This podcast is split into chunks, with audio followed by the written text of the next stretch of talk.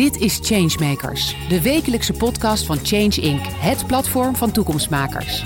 Iedere week gaat Paul van Liemt vanaf het eiland Pampus in gesprek met de helden van de toekomsteconomie. Krachtige leiders uit familiebedrijven, multinationals, MKB-bedrijven, start-ups en scale-ups. Die kleur bekennen, richting geven en tempo maken. Vernieuwers voor wie verandering geen agendapunt is, maar een business case. Want morgen wordt vandaag bedacht. Juri Schoenmaker is de oprichter van Pieter Pot, een start-up die online verpakkingsvrije, houdbare producten verkoopt. De consument bestelt de producten online en ontvangt deze thuis in glazen potten. De bezorger neemt de lege potten ook weer mee terug, zodat ze worden hergebruikt. Inmiddels heeft het bedrijf 40.000 klanten en er staan er ook nog een heleboel op de wachtlijst. Juri, welkom. Dankjewel. Ja, leuk dat je er bent. Dat zeg je altijd, meen ik ook. Alleen dit is wel te gek. Hè? Op Pampus, op een hele mooie plek. We kijken om ons heen alleen maar mooie bootjes en water. De zon schijnt ook nog. Precies. Ik zeg ook altijd, leuk dat ik er ben, eh, dat ik, dat ik er mag zijn. Maar dat vind ik nu ook echt. Ja, dit is echt heel mooi. Hè? Nee, maar ook bijzonder. Hè? We staan op zo'n vlonder ook. We kunnen hier niet afvallen, denk ik tenminste. Klaprozen achter jou zie ik ook. En een beetje, ja, eh, wat ongeripte natuur mag je ook zeggen. We hebben ook een mooie rondleiding hier gehad. Precies. Jij was nog nooit op Pampus geweest, hè? Ik was zeker niet de Pampas geweest. Daarom het voelt echt als een uitje. Het voelt, Ja. eh, Ja, nou ja, goed. Ik, ik ben net ietsje ouder dan jij en ik was er ook nooit geweest. En nu al drie keer vanwege deze geweldige serie. Nou goed, fijn dat je er bent. Dus nogmaals, eerst beginnen we met het duurzame nieuws. Dat doen we altijd in deze serie. Welk duurzaam nieuws heeft de afgelopen tijd de meeste indruk op je gemaakt? ja, moet, moet ik er eentje kiezen? Ik bedoel, er waren een aantal. Doe maar. Eh, de Albert Heijn die eh, hun plastic tasjes verving door die Oh ja. herbruikbare tasjes. Ja. Nou goed, we weten natuurlijk allemaal over de grote Shell, eh, Shell case. Eh, het statiegeld op, eh, op, de, op de kleine flesjes. Dus de- ja, dat soort dingen. Wat, wat vond je van dat, eh, dat Shell-vonnis? Dat Shell toch in hoger beroep ging? Ja, misschien niet anders verwacht. maar eh, ik vind, eh, er, er, er gebeuren in ieder geval dingen, weet je wel. De, en er wordt veel over gepraat. En eh, daar gaat het om. Ja, en, het is echt voortdurend op de agenda staat het ook. Hè? Ja. Continu, dat is Ja. waar. Nee, en dat is bij je hebt- Albert Heijn ook. Hè. Ik bedoel, de, er waren ook weer kritische geluiden. Maar eh, er worden stappen genomen, er gebeurt het, er, er is reuring. Ik geloof zelfs dat soms als, eh, weet ik veel, greenwashing is niet eens altijd slecht. Want als het begint met greenwashing, dan gaan uiteindelijk medewerkers van het bedrijf uiteindelijk toch eisen om wel iets aan, aan die claim te doen. Ja. Dus dan komt er toch iets. Dus eh, Nou, mooi dat je dat zegt ook, ja. Want het is, per de, het is veel makkelijker om dat af te doen. Hè. Oh, dat is niks, dat kan niet. En, en daar eh, met een boze vinger naar te wijzen. Maar het kan, in, denk ik ook, ja. Het kan gewoon een begin zijn en daardoor kom je weer ergens toe. precies. Nou, laten we even beginnen met jou. Hè. Je hebt eh, de TU Delft gedaan, mooie opleiding natuurlijk. Architectuur heb je gedaan. Yes. En ben je ook nog even architect geweest of ben je juist afgeknapt op dat vak? Nou, een beetje dat laatste. Ik heb, ik heb mijn bachelor afgerond en eh, ook wat stages gelopen. En kwam er toen eigenlijk achter van, nou, dit is niet helemaal waar ik mij in wil begeven. Want het, het draaide vaak meer om de architect dan om de gebruiker. Ja. Uiteindelijk is een gebouw bekend door de architect en het gebouw is van Rem Koolhaas. Terwijl als je een goed product hebt, eh, je, je, je koffiezetapparaat die heel goed werkt, weet je niet wie de maker is. Want het gaat om de gebruiker en de gebruikservaring. Ja. Dus dat miste ik toch een beetje bij de architectuur. En eh, ja, ik kwam op het pad van ondernemen, heb later nog, later nog industrieel ontwerpen gedaan, waar het meer om die gebruiker gaat. En, eh, en, en mijn weg gevonden in het ondernemen bij toeval. Maar toch, daar moeten we het zo nog over hebben. Ja. Maar toch is het belangrijk. Hè? je moet je ego dus in zekere zin opzij zetten. Mensen met een groot ego zullen eerder toch voor de architectuur kiezen. Maar ja, dan komen ze misschien ook weer eh, ja, op, op, op, op, koude kermis eh, terecht. Hè? Want dan denken ze, wacht eventjes, ik wil de architect worden. Maar ja, eh, er zijn er maar vijf of zes met die hele grote namen. Precies, en iedereen wil een van die grote namen worden. En dat maakt het ook zo verleidelijk. Weet je, want daarmee heb je toch het gevoel van, ik, ik kan een sterspeler worden, ik kan beroemd worden, ik kan een grote. Maar uiteindelijk ja, zijn er maar een handjevol hele grote architecten. En, en de rest zit nog steeds uit te voeren wat die grote architecten ja, voor kunst willen creëren. Maar ja, toch, als jij dit, dit prachtige eiland Pampus eh, van, een, van een nieuw eh, verfje mag voorzien en dan Ja. vervolgens van een nieuw ontwerp mag voorzien en als architect hiermee aan de gang mag, dan heet dit straks het, eh het Juris Schoenmaker eiland. Dat, is toch, dat kun je aantrekkelijk vinden, maar dat vind jij niet het hoogst haalbaar in het leven. Nee, nee, zeker niet. Nee. Zeker niet. Maar bij toeval, vind ik ook mooi, je bent bij toeval op ondernemer gekomen. Hoe kan dat? Nou, na mijn bachelor heb ik een jaar een bestuursjaar gedaan, zoals wel vaker mensen in een studentenleven doen. Maar dan niet van een studentenvereniging, maar van studentenuitzendbureau. Dus gewoon een bedrijf met een aantal miljoen omzet, uh, dat we een jaar lang mochten runnen met een aantal studenten als officiële directeur dan op ons naamkaartje. En daar ontdekte ik eigenlijk uh, het bedrijfsleven en, en het ondernemen. En hoe snel je daar stappen kan maken en ideeën tot uitvoering brengen. En ik was best wel een doener. En ja, vond het eigenlijk wel heel verleidelijk. En toen kwam ik ook met een, met een aantal ideeën. En toen rolde ik zo in mijn eerste, eerste start-up in, in, aan Delft. Ja, en je hebt een paar leuke dingen gedaan. We gaan dat niet helemaal uitgebreid, maar iets met armbanden ook. Dat is altijd mooi. Hè? Dat klinkt ook heel leuk en aantrekkelijk en verleidelijk ook. Maar wat, was dat precies? Ja, het, uh, een, uh, het ging om uh, zakelijke evenementen, congressen, beurzen, waar mensen heel erg graag netwerken. Maar het aspect dat mensen vaak hun namen vergeten, wilden we graag oplossen met een armbandje dat de beweging van het handenschudden herkent en zorgt voor automatische gegevensuitwisseling. Mooi. Dus je schiet iemand de hand en nou, een bandje met algoritmes ontwikkeld dat dat herkende. En het bedrijf heette Shakon. En uh, nou, dat was ook een start-up. Daarmee mocht ik ook pitchen bij RTL Z. En, uh, en ging heel goed. En na een aantal jaar begon ik mijn drive een beetje te missen. Want ja, we, het ging aardig goed. We gingen ook internationaal, maar we maakten niet echt impact. En uh, ja, dat willen millennials toch vaak. Wat ik ook ben. Nou, terecht ook. Maar ik denk dat dat ook een hele belangrijke is. Daar gaan we het ook nog over hebben. Maar het is wel interessant uh, dat je dit niet vlak voor corona hebt gedaan natuurlijk. Hè? Dat, uh... Nee, nee, precies. En tijdens corona heeft Shakehunt ook heel lastig gehad natuurlijk. Ja, dat kun je zeggen. Ja. Nu Pieter Pot. Pieter ja. Pot. Je hebt een Pieter Pot trui ook aan. Daar ben je heel precies. trots op. En zo'n heel mooi bedrijf. Uh, iedereen zou het moeten kennen. Zover is het nog niet. Want zo snel gaat het ook weer niet. Maar Bij, vertel bijna, maar bijna, bijna toch? Bijna iedereen eigenlijk. Ik denk een naamsbekendheid 99 procent. Het gaat tussen Pieter Pot en Albert Heijn. Hè? Ja. Maar wat, wat, wat is precies jouw bedrijf? Wat doe je? Um, ja, wij proberen het eigenlijk gemakkelijk te maken om je boodschap te doen zonder al die verpakkingen. Uh, eenmalige verpakkingen, veel plastic. En er zijn uh, wat initiatieven geweest, fysieke verpakkingsvrije winkels, maar dat bleek toch te veel moeite te zijn voor de gemiddelde consument daar met je eigen potten heen gaan naar speciale winkels. Dus wij bezorgen het aan je deur. We zijn een online supermarkt. En uh, voor een gemiddelde prijs vergelijkbaar met de Albert Heijn niveau. En kom je boodschappen aan je deur bezorgen en neem je lege potten weer mee terug. Daarmee is het eigenlijk heel gemakkelijk. En, uh, en proberen we het verleidelijk en aantrekkelijk te maken. Want daar geloven we in dat die duurzame keuzes, die moeten eigenlijk ook verleidelijk zijn om een grote massa consumenten mee te krijgen. En, en dat vind ik dat de vegetarische slager goed heeft gedaan. Die heeft dat smaakje van vlees, maar dan toch de vegetarische optie. Tesla, die elektrisch rijden ook als eerste ja. heel sexy maakte. Tony Chocoloni gaat dan uh, meer om het slaafvrije. Maar waren ook de eerste met zeezout karamel. En ik geloof nog steeds dat dat ook die boost heeft gezorgd. Zo proberen wij ook het verpakkingsvrije de norm te maken door het, uh, door het wat uh, sexier te maken. Ja, je zou mensen bijna pesten inderdaad door te zeggen je moet zelf met die potten aankomen zetten. Want dan heb je er al geen zin in. Dat is te veel. Behalve als je echt precies weet wat er aan de hand is. En uh, wat, wat natuurlijk wel een rol speelt, dat vreselijke woord de keten. Maar echt alles moet dan natuurlijk ook groen zijn. Dus dat geldt in jullie geval online. Maar ja, daar heb je wel busjes voor nodig. Er moet ja. gereden worden. Hoe zit dat dan? Ja, dus we begonnen in Rotterdam. Zelf, Martijn en ik, op de bakfiets. Kochten letterlijk potten bij de IKEA. Uh, om onze eerste testjes te doen. En een kamer in mijn huis, die was uh, nog niet geclaimd. Dus die zei ik, dat is onze warehouse. Daar deden we haarnetjes op en handschoentjes aan. En vulden de eerste potten en bezorgden ze in Rotterdam op onze, op onze bakfiets. En um, ja, toen moesten we op een gegeven moment toch opschalen. Dan wel om de enorme wachtlijst die ontstond te bedienen, maar ook grotere impact te maken. En als business overeind te kunnen blijven. Want al ons spaargeld zat erin en dat was inmiddels ook op. Uh, dus dan ga je kijken, oké, okay, hoe kun je het dan schaalbaar maken? Nou, dat kan met een bezorgdienst, zoals we doen met PostNL Food. Die bezorgt ja. in heel Nederland met een circulaire box. Maar, en natuurlijk nog niet overal met bakfiets of elektrisch. Ja. Dus dan ga je berekeningen doen, uh, life cycle analysis. Kijken of het op CO2 impact niveau dan nog steeds de duurzaamste optie is om je boodschap te doen. En dat bleek, en dat was voor ons eigenlijk de voorwaarde, oké, okay, dan kunnen we deze stap maken. Ja, nee, dat is natuurlijk een hele belangrijke. Dat je echt, want daar, daar kun je op gepakt worden. Ja. Bedoel ik niet in de vervelende zin, maar uh, wij zijn duurzaam. Dat zegt iedereen. Ja. Je moet ook waarmaken. Anders is het toch vervelend. Dan is het een soort vehikel. Dat mag ook natuurlijk. Dat is handig, maar dan ben je de handige zakenman van vroeger. Je wil meer dan dat. Zit het bij jou heel diep eigenlijk, de duurzaamheid? Uh, vind, je, vind je het iets heel belangrijks?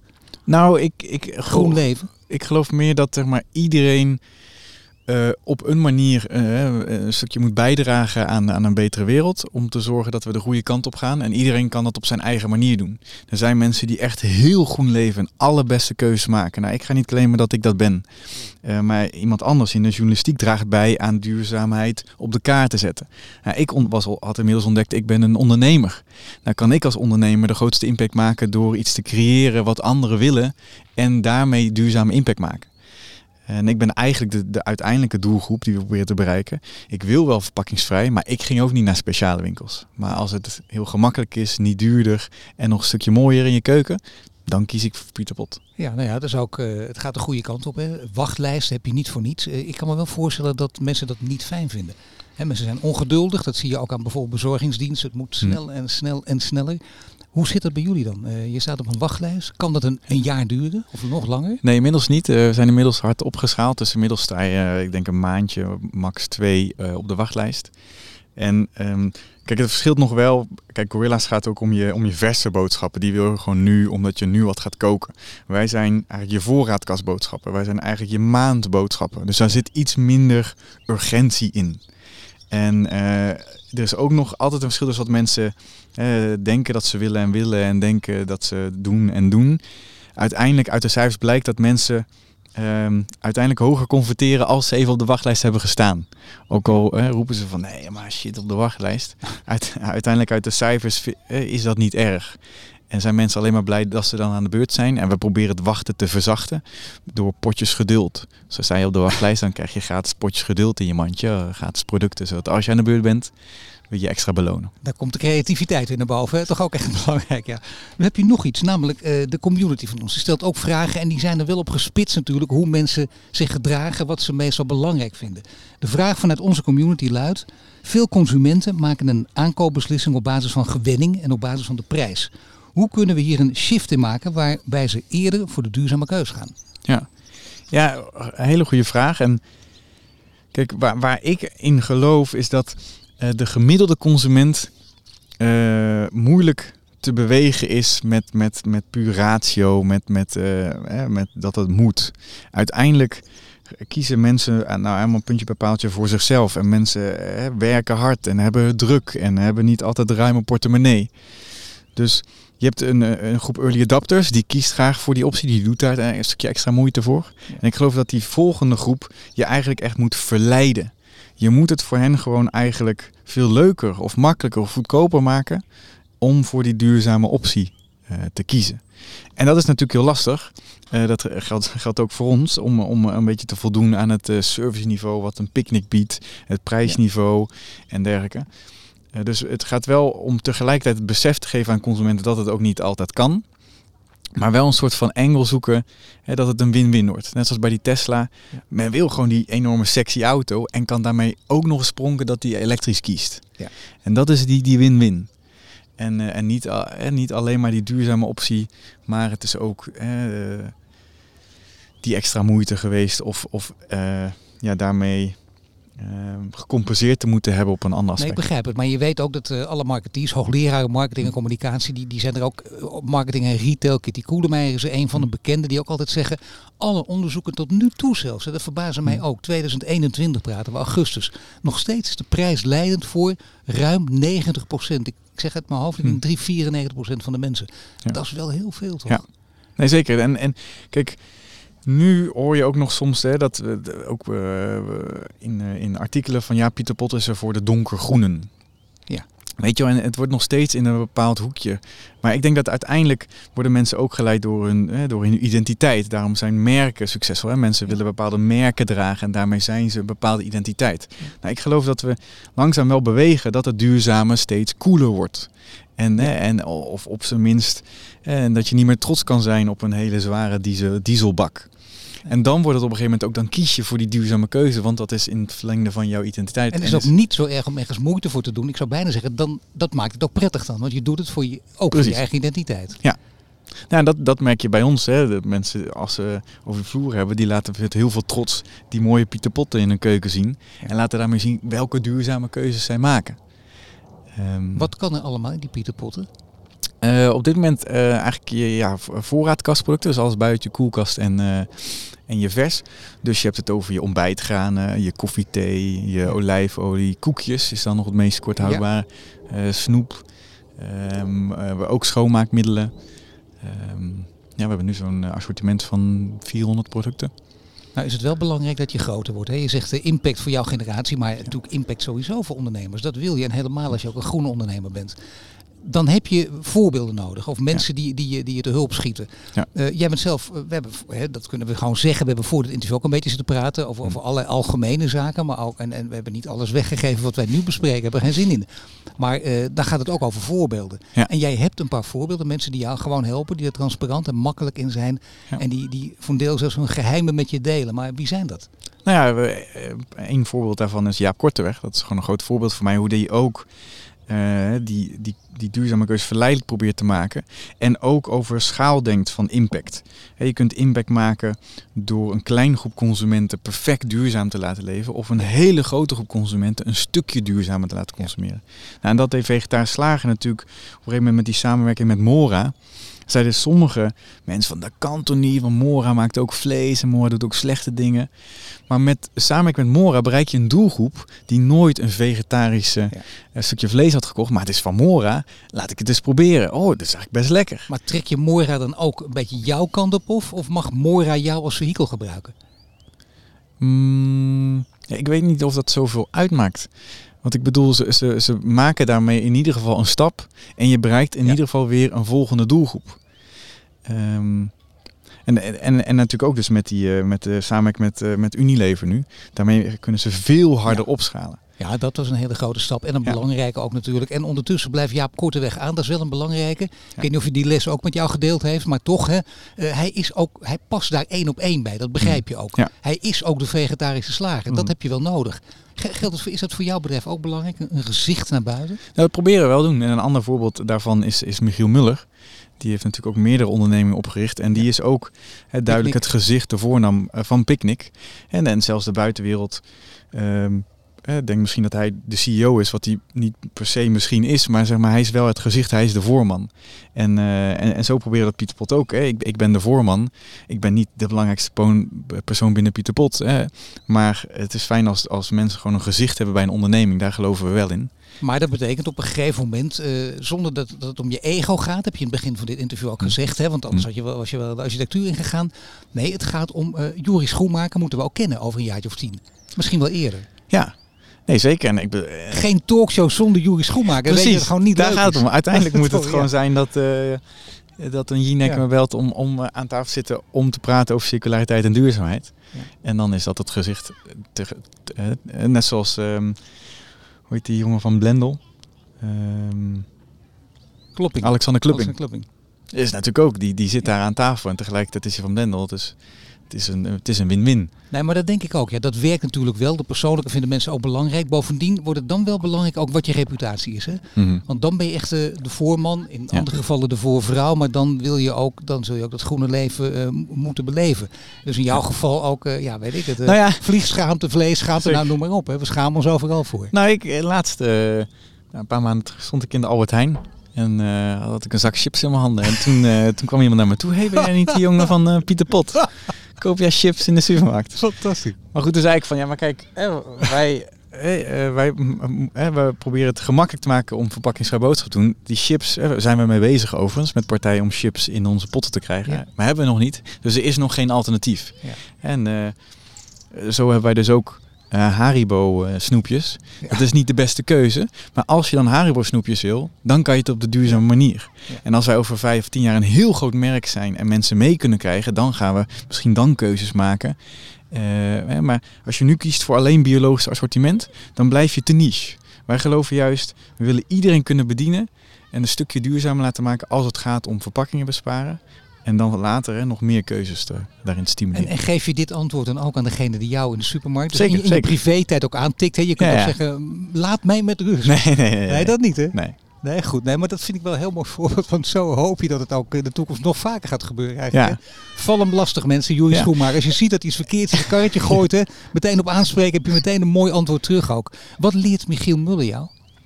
Nou ja, dat is ook uh, een groot voorbeeld uh, als het gaat om, om PR, om, om, om, om de buitenkant en iets vliegend te krijgen. Als het gaat om bekendheid, om marketing en ja, en heeft natuurlijk als Siri-ondernemer heel veel ervaring in, in, in dingen opzetten en iets bestaans ja, te challengen met een nieuw model wat gewoon of veel makkelijker is of veel goedkoper of veel, veel beter. Um, dus daar, nou ja, daar kan ik ook heel veel van hem leren. Maar zo ook uh, sparren we heel veel met de oprichters van Swapfiets. De oprichter van Otrum, wat, wat jonge mensen van onze leeftijd die net een stapje verder zijn dan wij. Uh, en dat, daar, daar leren wij heel van. Dus dat zijn uh, de mensen waar ik tegenop kijk en heel veel leer. Wat leer je van hun, van Swapfiets?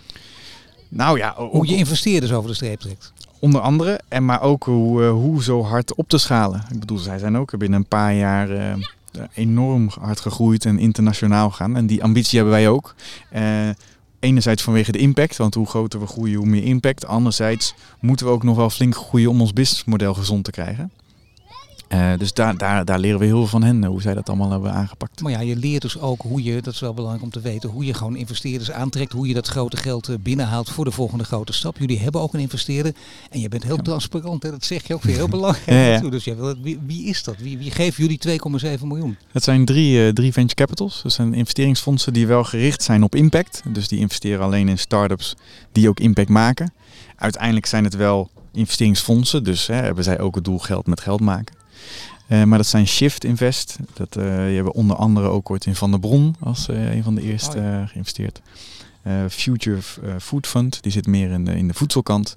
En Innovation Quarter, dat is meer Zuid-Holland regionaal stimuleringsfonds. En die hebben met z'n drieën ja, het vertrouwen uitgesproken en geïnvesteerd afgelopen december. Door een aantal miljoen in onze groei te stoppen. En wat, wat ga je ermee doen? Wat ga je ermee doen? Mag ik, mag ik een gokje wagen? Want ik, ik zie dat jullie ook, uh, jullie glas hè, van de potten, dat wordt ook lichter. Is, is, dat dankzij deze investering of is dat, deed je dat toch al en ga je wat nieuws doen?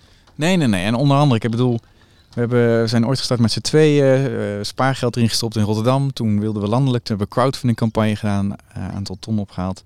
En toen ontstond eigenlijk een enorme wachtlijst, maar konden we die helemaal niet bedienen met onze toenmalige operatie. Dus dat was eigenlijk de grootste stap met deze investering, hebben we onze operatie enorm kunnen opschalen.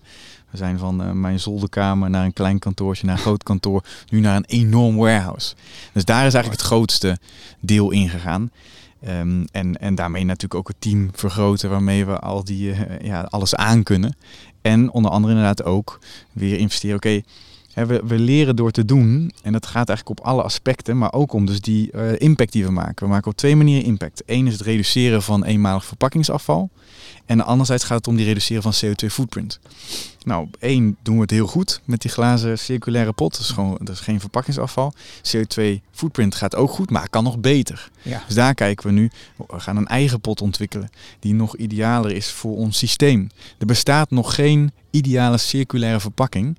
En al helemaal niet eentje die dan voor 400 verschillende producten wordt gebruikt. Want dat is bij ons zo. Maar wat gek hè, dat vind ik leuk dat je dit zegt. Want dat snap ik eigenlijk helemaal niet. Omdat we zoveel, ik ook zoveel mensen praten over circulaire verpakkingen. Hm. Dat ik dus het idee heb, misschien ben ik om de tuin geleid, dat dit wel degelijk bestaat. Echt van begin tot eind ook eh, letterlijk circulair wat je wil. Dat is dus niet het geval. Om, Omdat het te, technisch te moeilijk is, of niet? Ja, en omdat het eh, om voedsel gaat, waar je te maken hebt met heel veel regelgeving, maar ook het ei moet dus wasbaar zijn en dan geen minimale rest achterblijven. Dan mogen dan geen krasjes in ontstaan, want daar blijven weer een minimale rest in. Nou, dan moet die in de industrie heb je te maken met bepaalde afmetingen, CBL-kratten, waar dan precies bepaalde maten in moeten. Ja. Um, dus ja, er zijn zoveel aspecten. En ik bedoel, we zijn al een tijdje bezig met een ontwerpbureau. En dit is echt een grootste challenge om met al die criteria de ideale circulaire verpakking voor 400 verschillende producten. En want als je uiteindelijk gewoon één ideale verpakking voor een havermout, dat is heel iets anders. Bij ons moet in die pot ook siroop kunnen. En ook pindakaas. Uh, maar daarmee geloof ik wel het unieke van is dat we straks één gestandardiseerde verpakking hebben die eigenlijk uh, het circulaire systeem creëert. En wij zijn in gesprek met de grote partijen, zoals de PepsiCo, de Unilever, die uiteindelijk we daar kunnen onboorden. Ja, maar dan heb je dus met die grote partijen weer te maken. En dan, dan wil je ook weer, ook daar moet ik toch de vraag stellen. Dan wil je niet weer alleen een vehikel zijn. Ik snap helemaal jouw verhaal, begrijp ik ook. Want dan word je groter en beter. Maar het kan niet zo zijn dat een, een partij, een grote partij, maar wat doet en kan, kan roepen: kijk eens even hoe groen wij zijn. Met verwijzing naar Pieter Potten. Nee, zeker. Eh, Maar als we ze maar meekrijgen, dan maken ze daarin de eerste stap. En ik geloof wel weer, uiteindelijk willen mensen Krusli. Dat is, eh, ik, Ja. d- ik dacht trouwens dat het gewoon een, een productsoort was, maar Krusli is alleen Krusli. Oh, goed. Eh, en ehm, weet je, dat willen mensen gewoon. En dan kunnen wij zorgen dat dat in een circulaire verpakking zit. Dan maak je daar weer enorme impact mee. En, eh, en zo eh, zorgen we uiteindelijk weer dat die... Ja, dat die we, we- we willen, onze missie is een circulaire keten creëren. hè, eh, verpakkingsvrij de norm maken. En ja, heel simpelweg. We kunnen dat in ons eentje proberen. Nou, dat gaat ons niet lukken. Eh, op, eh, in, misschien in de termijn dat ik nog werkend leef. Dus, nou, maar- kom op, jij gaat 2100 halen, toch? Nee, maar met, met andere business erbij maak je die beweging veel en veel sneller. Nee, natuurlijk, natuurlijk. En dat moet ook inderdaad in tempo. We hebben het over energietransitie, daar gaat het Precies. uiteindelijk om en dat is het idee. Nu is er wel een punt, hè. Kijk, als je dat gaat doen en dan denk je, nou dat wil ik ook en ik ben leider, ik moet al die beslissingen ook nemen. Dan, we praten in deze podcast ook altijd over leiderschap. Daar zijn heel veel manieren voor. Je kunt ook zeggen, ik ben iemand die eerst heel goed gedegen eh, onderzoek doet. En, en, en eh, aan budgettering ook doet. Of ik ben iemand die juist roekeloos op het roekeloze af risico's neemt. Ik geef toe dat dit twee uitersten zijn, maar waar zit je ongeveer als je dan eh, daar een balans in wil Nee, vinden? Eerder bij die tweede. Ik bedoel, er was geen businessmodel, er was Ja. geen plan. Zo. En ehm, ja, we hadden dit idee en we zijn, eh, denk ik, eh, twee weken later naar de IKEA gaan om potten te kopen en, eh, en het gaan proberen. Bijna intuïtief. Ja, ja, ja, ik geloof het wel, zeg maar. en, en je wordt soort van verliefd op problemen, daar geloof ik ook. En dan, dan kan je je oplossing pivoten. Dus we willen verpakkingsvrij gemakkelijk maken, want dat is, het- dat is het probleem. En vervolgens gingen we gewoon testen en doen en daar leren we continu van. En we zijn nog steeds aan het leren en dat maakt het ook interessant. Maar betekent het dat je nog steeds, eh, ik kan me dat bijna niet voorstellen, nog steeds het intuïtief heeft het voortouw? Ik denk niet dat, eh dat inmiddels- investeerders dat willen. Hè? Die, die willen Zeker. toch ook harde cijfers zien? Zeker, zeker. En ik bedoel, inmiddels hebben we ook een CFO en eh, daar leer ik ook weer heel veel van. Maar uiteindelijk, naarmate je meer verantwoordelijkheid krijgt, hey, we, we hebben ook inmiddels een enorm team. Ja, Eh, mensen die de salarissen bij, daar heb je verantwoordelijkheid voor. Dus je kan niet zo risicovol wa- in het begin. maar ja, hoe, heeft, hoe heeft jou dat veranderd? Want ik bedoel, dat is nogal wat. Dan heb je inderdaad die grote verantwoordelijkheid. Dat kan sommige mensen dragen dat als een last op hun schouders mee. Ehm, nee, heb ik niet zo veel last van. Maar ik denk dat het ook zit in de, in de eerlijke en transparante communicatie. Hè. Dus bij iedereen die we aannemen laten we ook zien eh, hoe de business in elkaar zit, hoe de financiën in elkaar zit, welke eh, runway we hebben als het ware, waar we, wat, waar we verwachten te staan en te komen staan. Maar dat er altijd nog risico's zijn. En ook eerlijk van als je die risico's helemaal niet wil hebben, ja, dan kun je natuurlijk beter bij een corporate gaan werken die niet waarschijnlijk gaat, eh, waar de kans dat die gaat omvallen miniem is. Ja, dat is Dus mooi als je dit vertelt. Want je weet eigenlijk al dat, dat veel mensen toch om die reden dan voor een corporate gaan kiezen. Maar mijn indruk is wel, dat kan ik niet met cijfers staven, dat veel mensen nu liever voor bedrijven als die van jou kiezen.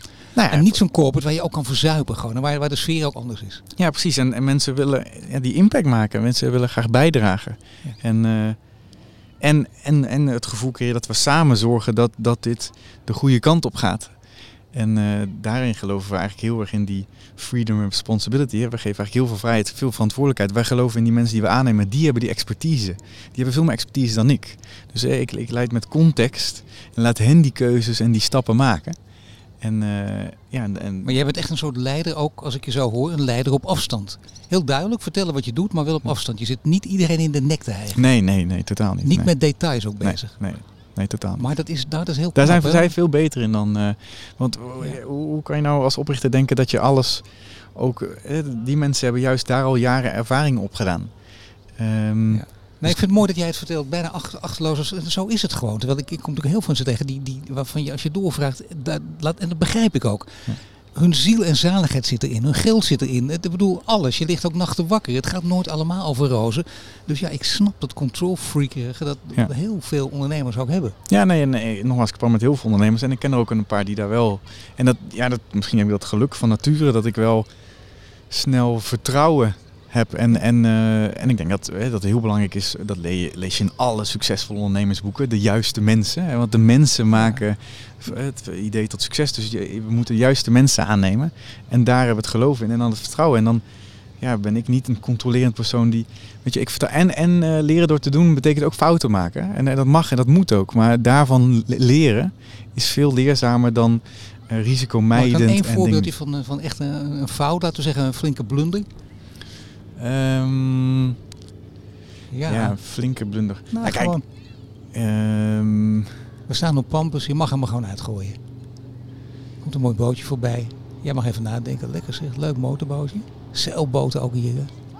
Nee, eh, wat, ja, we, we, we geven gewoon veel vrijheid. Dus ja, er worden soms meer kosten gespendeerd dan, eh, dan misschien eh, de bedoeling was in instantie. Of iets wat uit de klauwen loopt. Of ehm, ja, ik kan niet echt een specifiek... Nee, ik snap het. Laten we zeggen dat de mensen die bij je werken, die gaan opeens eh, zo, die hebben hier zo'n feestboten afgehuurd en die gaan dan gewoon Doet daarmee nou aan de gang. Ja, even zwaaien. Nee, maar goed, dat, dat, dat soort dingen, dat neem je voor lief. Dat is nog niet echt een blunder, vind ik. Niet dat je denkt...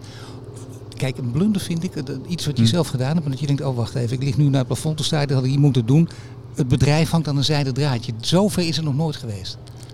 Ehm, nee, nou goed, daarin is wel zeg maar, de, de les zeg maar, dat hoe belangrijk het is om, om prognoses te maken en toch ook een financieel model en dergelijke. En daar wa- waren we wel steeds dat we dachten, oké, na die crowdfunding, of nou eigenlijk begon het al bij de eerste keer met je spaargeld, hadden we, oké, dit uiteindelijk zullen we dat wel kunnen terugverdienen, want dit moet toch uit kunnen. Oké, dat komt helemaal niet uit. Oké, crowdfunding, dan kunnen we landelijk opschalen, dan komt het wel uit en kunnen we uiteindelijk winstgevend zijn. Dat bleek helemaal niet zo te zijn. Toen met die investeringsronde dachten we, oké, nu kunnen we zo meteen naar break-even groeien. En nu blijkt Ja. weer dat dat nog lastig is. Ja. Dus daar zit wel de grote les van uiteindelijk.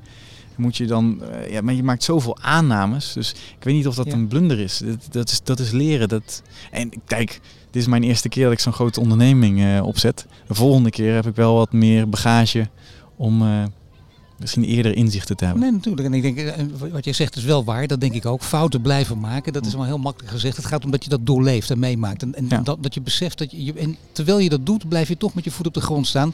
Je wordt niet helemaal gek daarvan. Ik denk dat als je dat eenmaal hebt doorleefd, ja, dat, Ja. dat je dat in, in andere keren ook kan. Eén leuk voorbeeld om aan te geven dat het heel goed met jullie gaat, is toch de grote concurrent, dat mag ik niet zeggen, maar Heinz Ketchup. Die doen ook iets met jullie pot, of niet? Ja, ja, die zit in onze pot. Nou moet je kijken. Ja. Hoe is het mogelijk? En daar, gaat- daar gaat het ook om. Mensen willen gewoon Heinz ketchup. Als je ketchup, tenminste, is een grote groep. Als ze ketchup willen, willen ze toch wel even Heinz ketchup. Nou, dan kunnen we die het beste aanbieden in een circulaire verpakking. En weet eh, Heinz het ook? Ja, na deze podcast wel, maar weten ze het Nee, zeker, zeker. Wat vinden ze daarvan? Ja, die, die, die wilden dit heel graag. Die hebben ons benaderd. Nee. Ja, zij zijn begonnen en, zij, en er hoeft ook geen, er hoeft niet iets van Heinz op bijvoorbeeld. Dus er staat Heinz Echt op, niet, maar niet eh, natuurlijk eh, misschien zoveel branding als normaliter. Maar zij zien ook de waarde in eh, wat het qua branding doet, dat Heinz ook in een circulaire verpakking zit. Kijk, dit is precies inderdaad dus een voorbeeld. Dit is eigenlijk bijna de rode draad bij jou. Hè? Dat je dat wil, dat het op deze manier steeds samengaat. Ja. Grote partij, ze zien het in jullie zitten. Zij nemen notabene zelf contact met jullie op. En er wordt er wel een, een stevig contract gemaakt. Juridisch dichtgetimmerd of niet? Ehm, nee, we hebben nog geen legal department. Ik, ik ben verantwoordelijk en eh, nee, dat valt, dat valt hartstikke mee. Oké, het gaat de goede kant op. Eh, Ja. De wachtlijsten zijn voorbij. Eh, hoeveel mensen staan er nu nog op de wachtlijst? Nou ja, ze, ze komen er nog steeds bij en ze gaan er heel snel weer af. Dus het schommelt nu rond eh, wat is het, 10, 15.000 die er op de wachtlijst staan. Maar je staat er nogmaals een maand of eh 1, 2 op. Maar goed, hij groeit ook steeds weer, want we worden, steeds bekender en steeds groter. Juist, nou dat is een hele mooie laatste zin. Ik dank je hartelijk voor dit gesprek. Juri, je luistert naar een podcast van Change Inc. Mede mogelijk gemaakt door onze partner Ebbingen. Bedankt voor het luisteren naar de Changemakers podcast. Een productie van Change Inc. gepresenteerd door Paul van Liemt. Wil je dat meer mensen geïnspireerd worden? Deel de podcast dan op sociale media. De Changemakers podcast is tot stand gekomen in samenwerking met onze partner Ebbingen. Ebbingen kent, verbindt en ontwikkelt de leiders van de toekomst. Wil je meer afleveringen luisteren? Abonneer je dan nu via je Spotify, Apple Podcast of je favoriete podcast-app en krijg een melding wanneer er een nieuwe aflevering online staat.